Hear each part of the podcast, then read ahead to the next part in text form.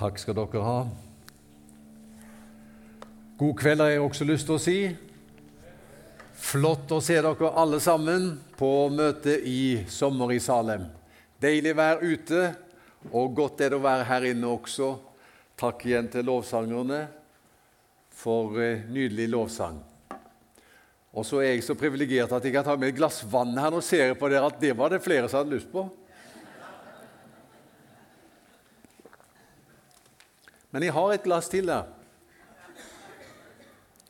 Men det er ingen som er så frimodig ganske enda. Men det er kirkekaffe etterpå, er det ikke det? Ja, kirkekaffe. Og veldig mye god brødbakst. Det var noen av oss som eh, Ikke brødbakst, kakebakst, gjærbakst. Det var noen av oss som eh, prøvesmakte på den i går, faktisk. Så den er god.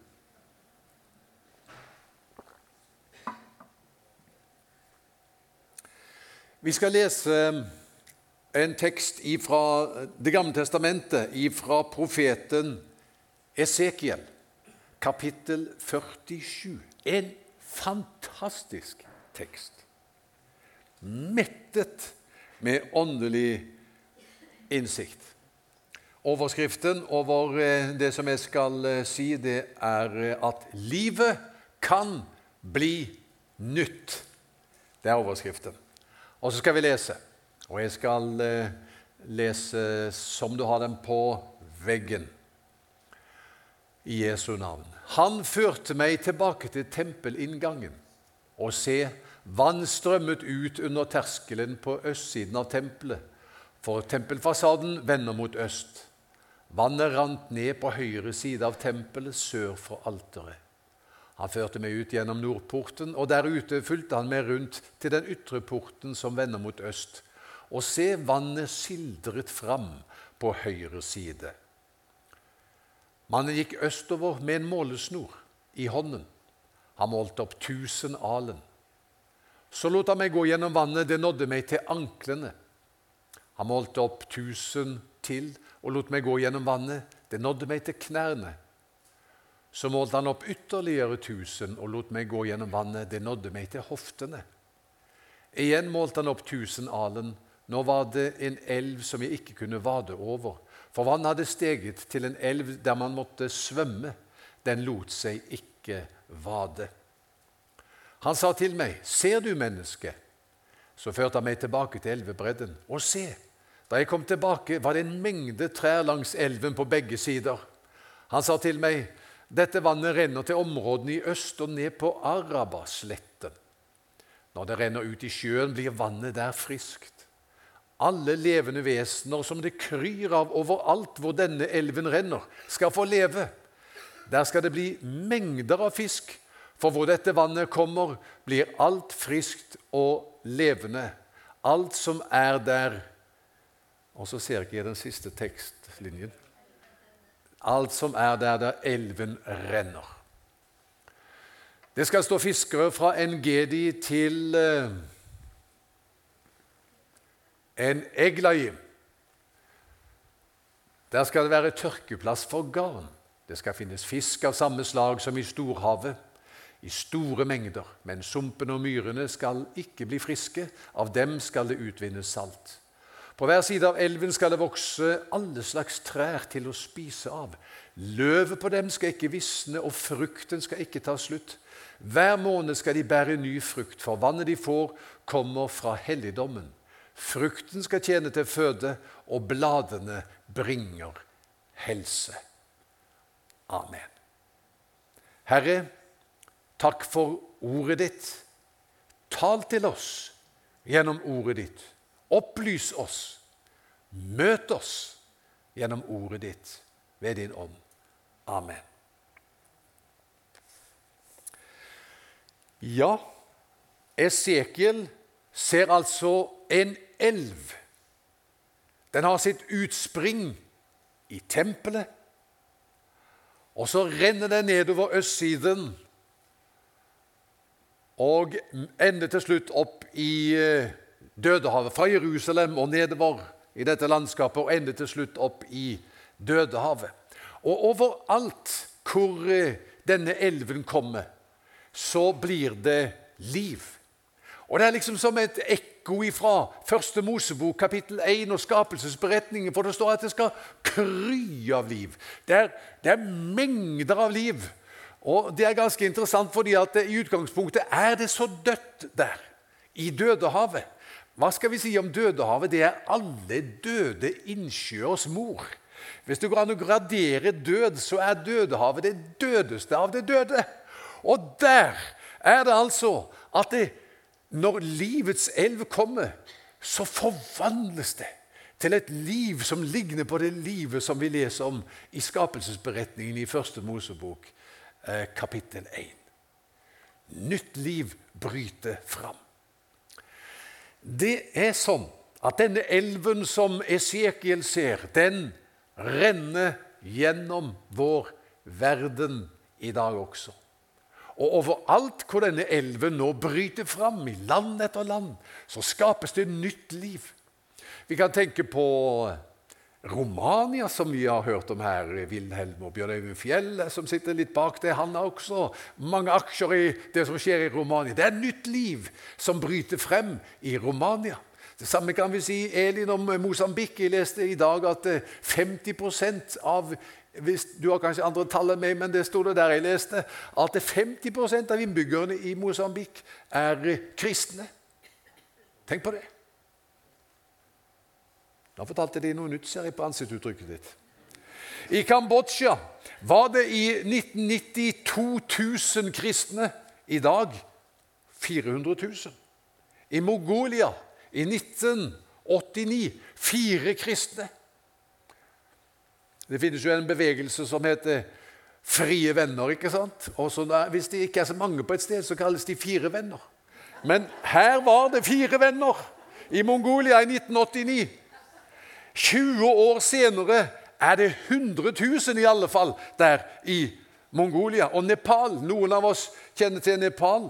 Det var en hindustat med et par tusen kristne. I dag har jeg hørt det er en million kristne i Nepal. Livets elv, denne elven som har sitt utspring i tempelet, renner gjennom verden og ned i det dødeste av det døde og skaper forandring. Denne elv renner også i vår verden. Og vet du hva? Den er også i Kristiansand. Den er også i dette møtet. Livets elv er her. Det er ånden, det. Åndens liv. Det er Guds nærvær i verden. Den er her. Det som, Jeg er jo glad i denne teksten.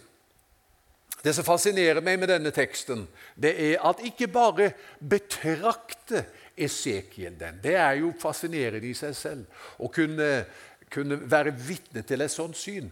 Men han møter en mann som har en målesnor i hånden, en engel. Og så måler han ut eh, fire ganger eh, tusen alen. Og så inviteres altså da Esekiel ikke bare til å være en betrakter, en som står på elvebredden og ser på, men en som inviteres til å gå ut i denne elven og eh, selv bli berørt og få gjøre erfaringer med denne elven. Og det er eh, tema i kveld. Så Det første da, det er at når Esekiel vader ut i denne elven, så når vannet ham til anklene, leste vi. Og Så skal vi prøve oss å se hva kan det bety for oss. Ja, Når vannet når ham til anklene Det er jo egentlig da den første berøringen med denne livets elv. Og vi må kunne si det skal vi overføre det til vår virkelighet, så handler det om ja, å bli en kristen. For hva er det som skjer når man blir en kristen? Det skjer to ting, sier Peter i sin pinsetale i Apostlenes gjerninger 2. Han sier når du blir en kristen, får du syndenes forlatelse, og så får du Den hellige ånds gave. Her er vi antagelig i kveld eh, kristne fra mange menigheter og leirer. Hva er fellesnevneren for en kristen? Ja, vi kan si sikkert si det fra mange vinkler, men én ting kan vi si. Vi har noe felles. Vi har syndenes forlatelse, og vi har Den hellige ånds gave. Det er liksom noe som binder oss sammen. Det gav oss nytt liv. Jeg fikk en mail nå for kanskje en måneds tid siden fra eh, min gode venn, bror til Kai, som sitter her nede, Håkon Fagervik.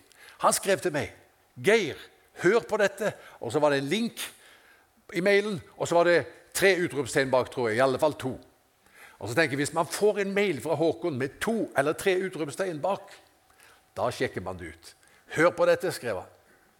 Så jeg tenkte ok, da. Jeg hadde det litt travelt, men så fant jeg en liten lomme jeg kunne høre på det. Så hører jeg vitnesbyrdet fra en svenske. Jeg vet ikke om dere har hørt om han. Det er ikke så veldig lenge siden han ble en kristen. Han heter Sebastian Stakseth. Har du hørt om han? Nei? Nå skal du høre. Han hadde et annet navn før. Kanskje dere liker å høre mye på hiphop, og er det mange rappere her? Før så hadde han et, et, et artistnavn som het Sebbe Staks, eller noe i den duren. Det, ringer det noen bjeller? Nei? Ja? Rett og slett. Dere har hørt om han. Sebbe Staks. Jeg må innrømme jeg hadde aldri hørt om han. Jeg hører ikke mye på hiphop, og jeg er ikke mye av en rapper. Eh, men i alle fall, denne Sebastian Stakset han forteller sitt vitnesbyrd, for nå er han blitt en kristen. Og det var han ikke før, kan du si. Han vokste opp i et veldig vanskelig miljø i en by i Sverige som var beryktet, som jeg forstår det. Og Han ble mye mobbet. Og så En dag når han går fra skolen, så er det en guttegjeng som skal ta men mora har vært og hentet han. Så han går sammen med mora si, og så er det guttegjengen som sier 'Der har vi han Sebastian, vi tar ham.' Ja, men han går sammen med mora. 'Ingen problem, vi tar henne òg.' Og så kaster de seg over de begge to og banker dem opp. Og når Sebastian kommer hjem, så er han knust. Ikke bare over at uh, han har fått juling, men han, at han ikke som en tenåring kunne beskytte mamma. Og masse mer trist fører ham liksom nedover i en spiral, nedover, nedover, slik at han blir fylt av hat og gir seg over til uh, kriminalitet. Han er involvert i ran av en verditransport. Han gir seg hen til musikk, men det er liksom sånn der eh, hat-rapp. Og, en, og, en hiphop-musikk med, med, narkotika og mange ting. Så han er langt nede. Langt nede. Så får han kontakt med en kristen som sier til ham Sebastian, Jesus gleder seg over deg. Og han tenker det er som cirka bortimot det mest naive som jeg har hørt til dags dato. Denne damen som snakker til meg nå, hun vet ikke hva jeg holder på med, hva jeg er involvert i. Og så, Hun kan jo ikke si til meg 'Jesus gleder seg over deg'. Hun skjønner jo ikke hvem hun snakker til. Så legger hun til 'Sebastian, det er ikke sånn at han egentlig gleder seg sånn over det du er involvert i akkurat nå. Men han gleder seg så kolossalt med tanke på hva du skal bli. Han sier i dette radiointervjuet som jeg hører med ham, at det traff ham med en sånn tyngde. Jesus gleder seg sånn over den personen du skal bli, Sebastian. Det slapp han aldri. Han skjønte det fantes en vei ut av det mørket som han var i. Og veien ut av mørket, det var å møte denne Jesus som gir syndenes forlatelse og Den hellige ånds gave. Nå er han evangelist. Hundrevis på hundrevis av ungdommer kommer sammen når han har sine møter. Jeg har sett bilder derfra. Det er tatoveringer oppover alle armene. Og det er så mye piercing som du kan få til i et eh, ansikt. Og eh, blikkene er tomme. Men når han forkynner, så sier han jeg kjærleiksbomber dem alle sammen. Og så er det hundretalls på hundretalls i by etter by nå. Det skjer nå. Av unge mennesker som får møte Jesus. Tar steget ut i livets elv, får syndenes forlatelse og Den hellige ånds gave. Og får nytt liv. Jeg tenkte på det, Vi får invitere han til Kristiansand også en gang. han der. Skal vi gjøre det? Sebbe Stakseth han før, men nå heter han altså Sebastian Stakseth. Så det blir, det blir fint. Så det er det. Så leder mannen med målesnoren Esekiel ut nye tusenalen, og nå når vannet ham til knærne. Hva kan det bety? Hvis når du var predikanten og skulle legge ut denne teksten, hva, du, hva, hva er det som umiddelbart eh, da, liksom, Hva assosierer du med? At eh, åndens elv eller åndens liv berører knærne? Hva tenker du på? Hvordan kan det oversettes inn i din virkelighet? Ja, jeg tenker på bønn. At Ånden ønsker å berøre livet ditt og berike livet ditt i forhold til bønn. Hva er bønn? Det er mange definisjoner. Det kan forklares fra mange vinklinger. Som ny kristen leste jeg en bok av Ole Hallesby som het 'Fra bønnens verden'. Og Den har fulgt med siden den definisjonen som han gav på hva bønn er. Han sier, Med referanse til Johannes' åpenbaring kapittel 3, vers 20, så sier han bønn det er å invitere Jesus inn i livet ditt og ha fellesskap med ham. Det står 'Se, jeg står for døren og banker'. Om noen hører min røst og åpner døren, da vil jeg gå inn til ham og holde måltid, jeg med ham og han med meg.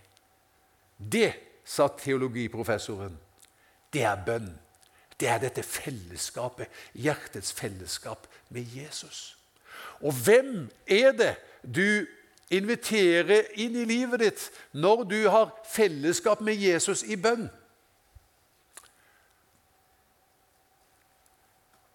Jeg tenker på presentasjonen som Johannes gir av Jesus i sitt evangelium. Han, han har jo bygd dette opp vet du, som en systematiker. Han var en systematiker, Johannes, og han har liksom samlet det liksom i forskjellige uh, utsagn. For er det syv såkalte 'jeg er'-utsagn i Johannes evangeliet. 'Jeg er verdens lys', 'jeg er døren', 'jeg er den gode hyrde'. Også, men det er også syv tegn og Det tenkte jeg på når jeg forberedte denne talen.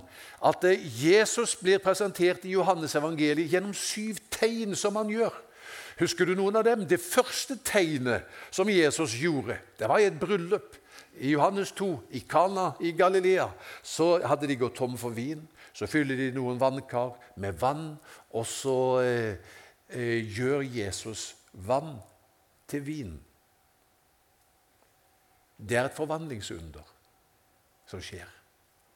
Og så står det det er det første tegn som Jesus gjorde. leser vi der i Johannes 2. Så leser vi ikke noen steder, og det var det siste tegn Jesus gjorde. Så det, Da legger jeg sammen to og to, så skjønner jeg Han som gjorde forvandlingsunder i Kana i Galilea, når han gjorde vann til vin, han kan gjøre forvandlingsunder i dag også.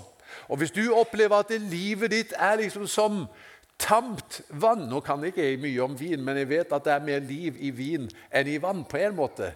Og han som gjorde vann til vin, han kan gjøre et forvandlingsunder i livet ditt også, slik at livet ditt blir fylt av glede, fylt av entusiasme. Så hvorfor er det at mannen med målesnoren leder Esekiel ut, og vannet når ham til knærne. Overført i vår virkelighet så er det for å invitere deg til et samfunn med Jesus der du møter ham som kan forvandle livet ditt. Som kan gjøre noe nytt. Livet ditt kan bli nytt. Vi leser en rekke andre tegn også i eh, Johannes evangelium kapittel 7 og Vi leser om eh, f.eks. når han sier til Lasarus Lasarus er død, har ligget i graven flere dager. Han sier, 'Lasarus, kom ut.' Så kan det hende det er noe som er dødt i livet ditt. Noe som er vissent. Men han som talte til Lasarus og sa, 'Lasarus, kom ut!' Tror du ikke han kan få liv i det som er vissent i ditt liv.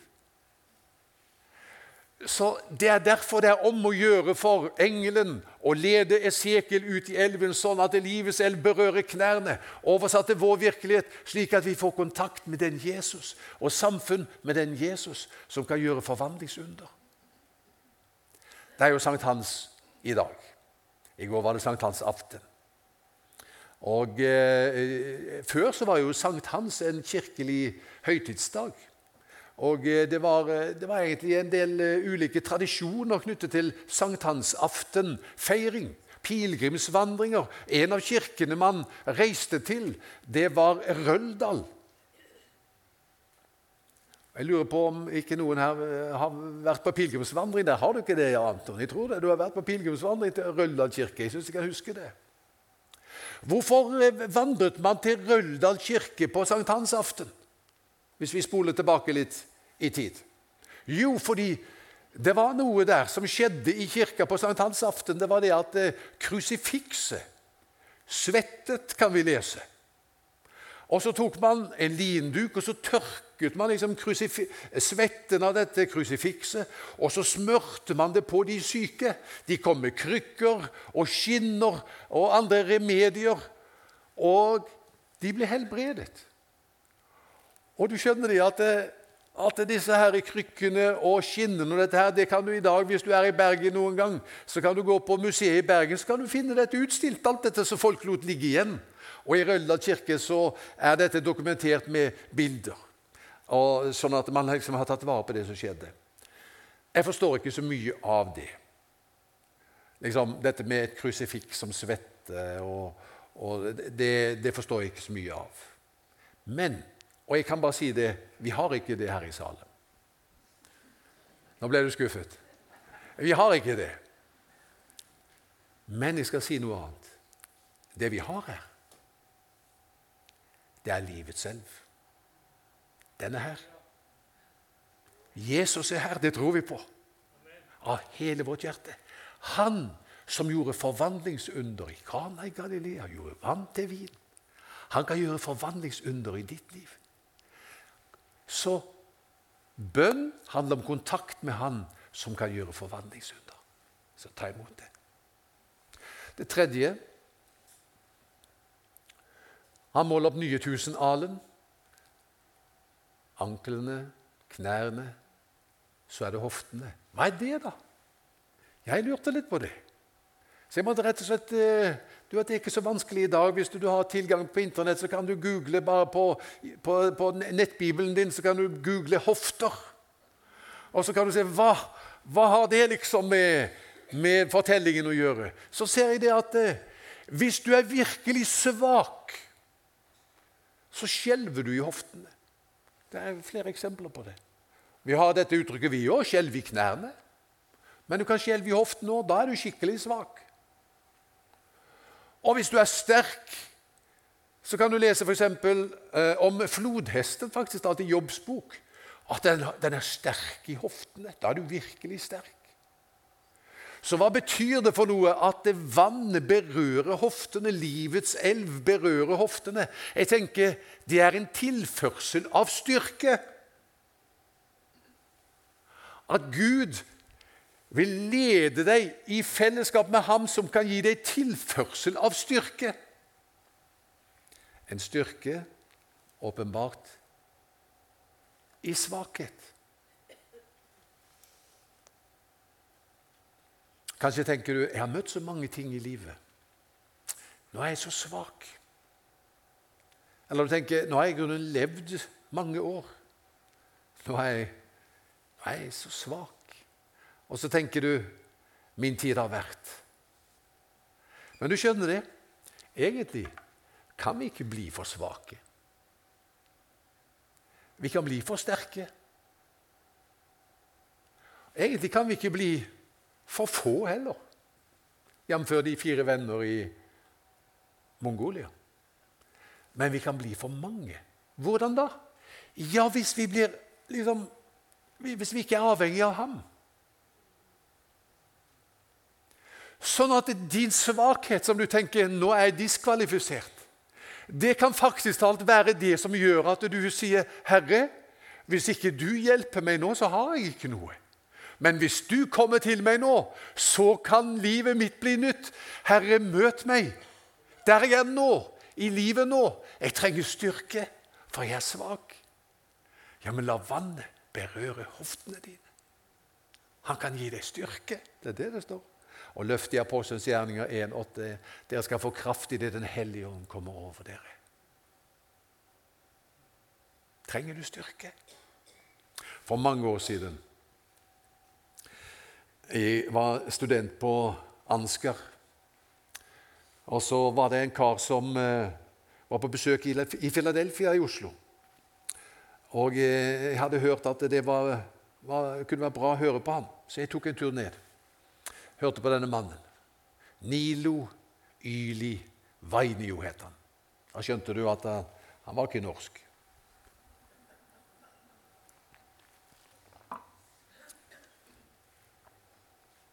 Og hans historie, den har jeg aldri glemt. Jeg har antagelig fortalt den som noen av dere har hørt før, men den, du skal få, få den igjen. Det var litt av en historie. Han, han var pinsepredikant i Finland. Og han hadde nok mange drømmer som en ung mann. Nå var han eh, noen og 60 år. Han hadde hatt mange drømmer som en ung mann, men det var liksom ikke blitt noe greie på det. Han var en alminnelig predikant.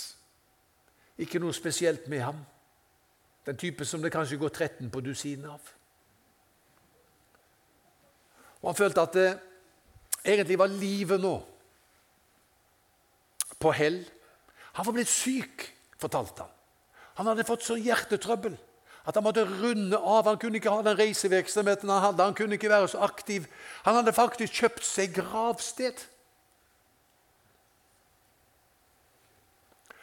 Og han sa så hadde jeg vært på kirkegården en dag og besøkt min egen grav. Der har ikke du vært ennå. Jeg var der og besøkte min egen grav. Og Han sa det at det, det var litt nedslående. Men da jeg lukka grinda på kirkegården og gikk utafor, så sa jeg til Jesus Jesus, men også nå, med min sviktende helse og mitt dårlige hjerte, så er jeg din. Vet du Ingvild og Tor André hva han sang? Nei, jeg er ikke sikker, men kanskje sang han. Alt for Jesu fot jeg legger alt hva jeg her kaller mitt. Og så sang han i refrenget 'Jeg vil gi deg alt'. Som vi sang det derfor. Jeg, du husker det? Vi har sunget den i kveld. Husker du det? 'Jeg vil gi deg alt'. Du skal råde, kjære frelser. 'Jeg vil gi deg alt'. Det sa han enda en gang. Og Så ble han litt forskrekket. Han fikk invitasjon til å tale på et møte, og han tok imot. Og Han taler som han har gjort så mange ganger. Og så forteller han, mens han talte så skjer det noe. Det var en dame som satt i rullestol, som reiste seg opp av rullestolen og begynte å kjøre med den rundt i benkeradene. Midtgangen. Opp og ned. Og du kan si det, sa han, at det var ikke så lett for meg å, å, å få folks oppmerksomhet. For de ble mer opptatt av denne damen som eh, kjørte frem og tilbake med rullestolen. Så hadde det seg sånn at denne damen hun var gift med en av toppene i finsk TV. Hva tror du er resten av historien? Jo, resten av historien er at det snart visste hele Finland at det finnes en predikant som heter Nilo Ylivainio. Og på hans møter så skjer det forunderlige ting. Det til og med har hendt at en dame går ut av en rullestol og begynner å tilby andre kyss. Ikke sant? Er du med? Og han som det gikk 13 på dusin av Nå er det ikke et lokale som er stort nok i Finland til å romme alle de som vil høre den mannen tale. Han som var læreren på bibelskolen, en av lærerne på bibelskolen, Nils Grimstad heter han, han sa til, til oss Det var vel derfor jeg gikk ned og hørte han i Philadelphia. Han sa jeg har vært der, sa han. Jeg har hørt på han. Det var så sterkt, elever, sa han. Han var fra Bergen. Det var så sterkt jeg skalv der jeg sto. Tusenvis av mennesker ble frelst i en innhøstningsperiode. Så skulle han slappe litt av Nilo Ylivainio. Så dro han ned til Spania. Og så, for Da hadde det pågått i tre år. Og så, så, er det noen som roper på han og sier nå er det middag, nå må du komme og spise. Så småløper han eh, for å gå ned og spise. Så ser de at han snubler og blir liggende. Når de kommer bort, så ser de Nilo er død. Han er hjemme hos Jesus. Han er død. Så jeg tenkte Hva var dette? Det som jeg har tenkt, det er følgende Hele livet hans, til han var 60 pluss, det var en forberedelsestid. Det er nesten som jeg føler at Fader, Sønn og Den hellige ånd sier til hverandre. Kan vi, kan vi gi han en ekstra salvelse nå? Nei, vi må vente litt. Han er ikke svak nok ennå. Er han klar nå? Nå er han jo blitt 50. Er han klar nå? Nei, han er ikke klar. Han er for mye Nilo i ham enda. Når han lukker grinda på kirkegården, så sier Fader og Sønn og Den hellige ånd Nå salver vi ham. Nå er han klar. Forstår du hvor jeg vil den? Styrke åpenbart i svakhet. Hva var det Paulus sa? Dette er ikke fremmed for oss. Han sa svak, redd og skjelvende opptrådte jeg hos dere. Men min tale og forkynnelse var med ånd og kraft som bevis. Og hva sa David? Jeg er svak til denne dag, om enn salvet. Derfor er dette gode nyheter når jeg taler til deg, for du har gått på en smell, og du kjenner deg svak og du kjenner deg diskvalifisert, og så tenker du 'Det er ute med meg'. Nei, det er nå. Det kan begynne. Eller kanskje du tenker Nei, nå er jeg for gammel. Vet du ikke det at i Bibelen Guds eldste, det er blant hans ypperste? Hvem vet om ikke Gud har brukt hele livet, livet ditt på å forberede deg på en storslagen utgang? Hvem vet om ikke din siste sang skal bli din beste? Og du som er ung, du behøver ikke å vente. Nå ser jeg på dere fire som er unge. Vi har fire som er unge her i dag. De sitter der. Du behøver ikke vente Katrine, til du er 60 eh, pluss. Men det det handler om, det er at du sier 'Jesus, jeg stoler ikke på Katrine og hennes gaver.' Du har gitt meg mye, men jeg stoler på deg, Jesus. Når jeg nå skal til Haugesund, jeg stoler på deg, Jesus. Du skal fylle meg med Den hellige hånd. Du skal gi meg det jeg trenger. Og når jeg står frem, så kommer jeg ikke til å si det, men jeg har det dypt i mitt hjerte. Og Fredrik og, jeg har det dypt i mitt hjerte. Den hellige ånd er over meg, og han har salvet meg til å forkynne. Du bare vet det. Du stoler ikke på deg selv, men du bare vet det. Han er den som skal gjøre verket. Det skal bli gøy å følge dere. Og det siste og det er, det, det er godt eh, at det er bare ett punkt igjen, for nå er vi ferdige i forhold til tiden også. Men det er at han kommer da Han kommer ut i denne elven. Og nå når, nå, nå, når han ikke bunnen, så, så han må svømme. Og Dette er jo en elv som begynte oppe i tempelet. Den begynte som en svak sildring. Og så øker den i omfang, og så renner den ut i Dødehavet. Hva er retningen? Det er det jeg vil fram til. Hva er retningen på denne elven? Fra tempelet til Dødehavet. Ser du den dypere betydningen i det? Fra Gud. Hva er Dødehavet? Det er det laveste punktet på kloden, 396 meter under havet. Det er det dødeste av det døde. 30% saltinnhold. Det er 3,5% salt i sjøvannet her. 30% der. Det er liksom Det er ikke liv. Og vannet renner fra tempelet og dit. Og når vi følger mannen med målesnoren og beveger oss lenger ut i elven, så kommer vi ut i en elv som tar oss i den samme retningen. Fra tempelet til der hvor det er synd. Fra tempelet, ja, fordi, Hvorfor sier jeg synd? Jo, fordi jeg glemte å si Sodoma og Gomorra lå der egentlig. Så liksom når det er så dødt der, så hadde det også om Guds straffedom over synd. Så, så, men det er en retning fra tempelet og til det laveste. Er det noen som er utslått? Elven renner der. Er det noen som er syndet og, og, og er utslått av den grunn? Elven renner dit.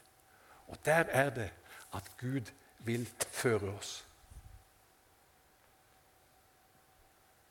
Hvordan skal det gå i uh, Norge? Det renner en elv over hele verden. Og det er så mye nytt liv som bryter fram. Hvordan skal det gå i landet vårt? Der er forvandlingskraft i denne elven til å skape nytt liv også i Norge. Men retningen er fra tempelet og til Dødehavet. Ikke sant? Og Derfor er det så viktig for oss at vi forstår at Guds kall over livet vårt det er fra innadvendt til utadvendt.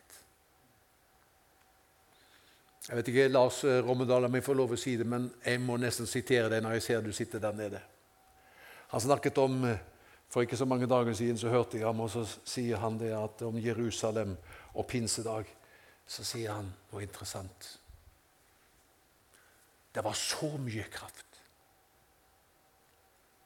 Og så forunderlig lite misjon. De var opptatt med liksom, det som skjedde innenfor rammen i Jerusalem-menigheten. Det var så interessant å være i Jerusalem-menigheten. Men det Gud ville for dem, det var at dere skal få kraft i det Den hellige ånd kommer over dere. Og dere skal være mine vitner i Jerusalem, Judea, Samaria, like til jordens ende. Men de kom liksom ikke ut forbi rammene av Jerusalem. Og Derfor måtte Gud sende forfølgelse for at de skulle komme ut av det. Tenk på det. Men Guds invitasjon til oss i dag det er fra innadvendt til utadvendt. Det livet du har gitt meg, jeg vil gi det videre til de menneskene som trenger det mest, som ligger lengst nede, som har syndet og som har rotet det til i livet. Gud skal bruke det til det. Jesus bruker et bilde fra Esekiel når han sier fra dens liv som tror på meg, skal det, som Skriften har sagt, renne strømmer av levende vann. Gjennom ditt liv og ut til mennesker i nød. Da skal vi se nytt liv bryte fram i Norge også. Skal vi be.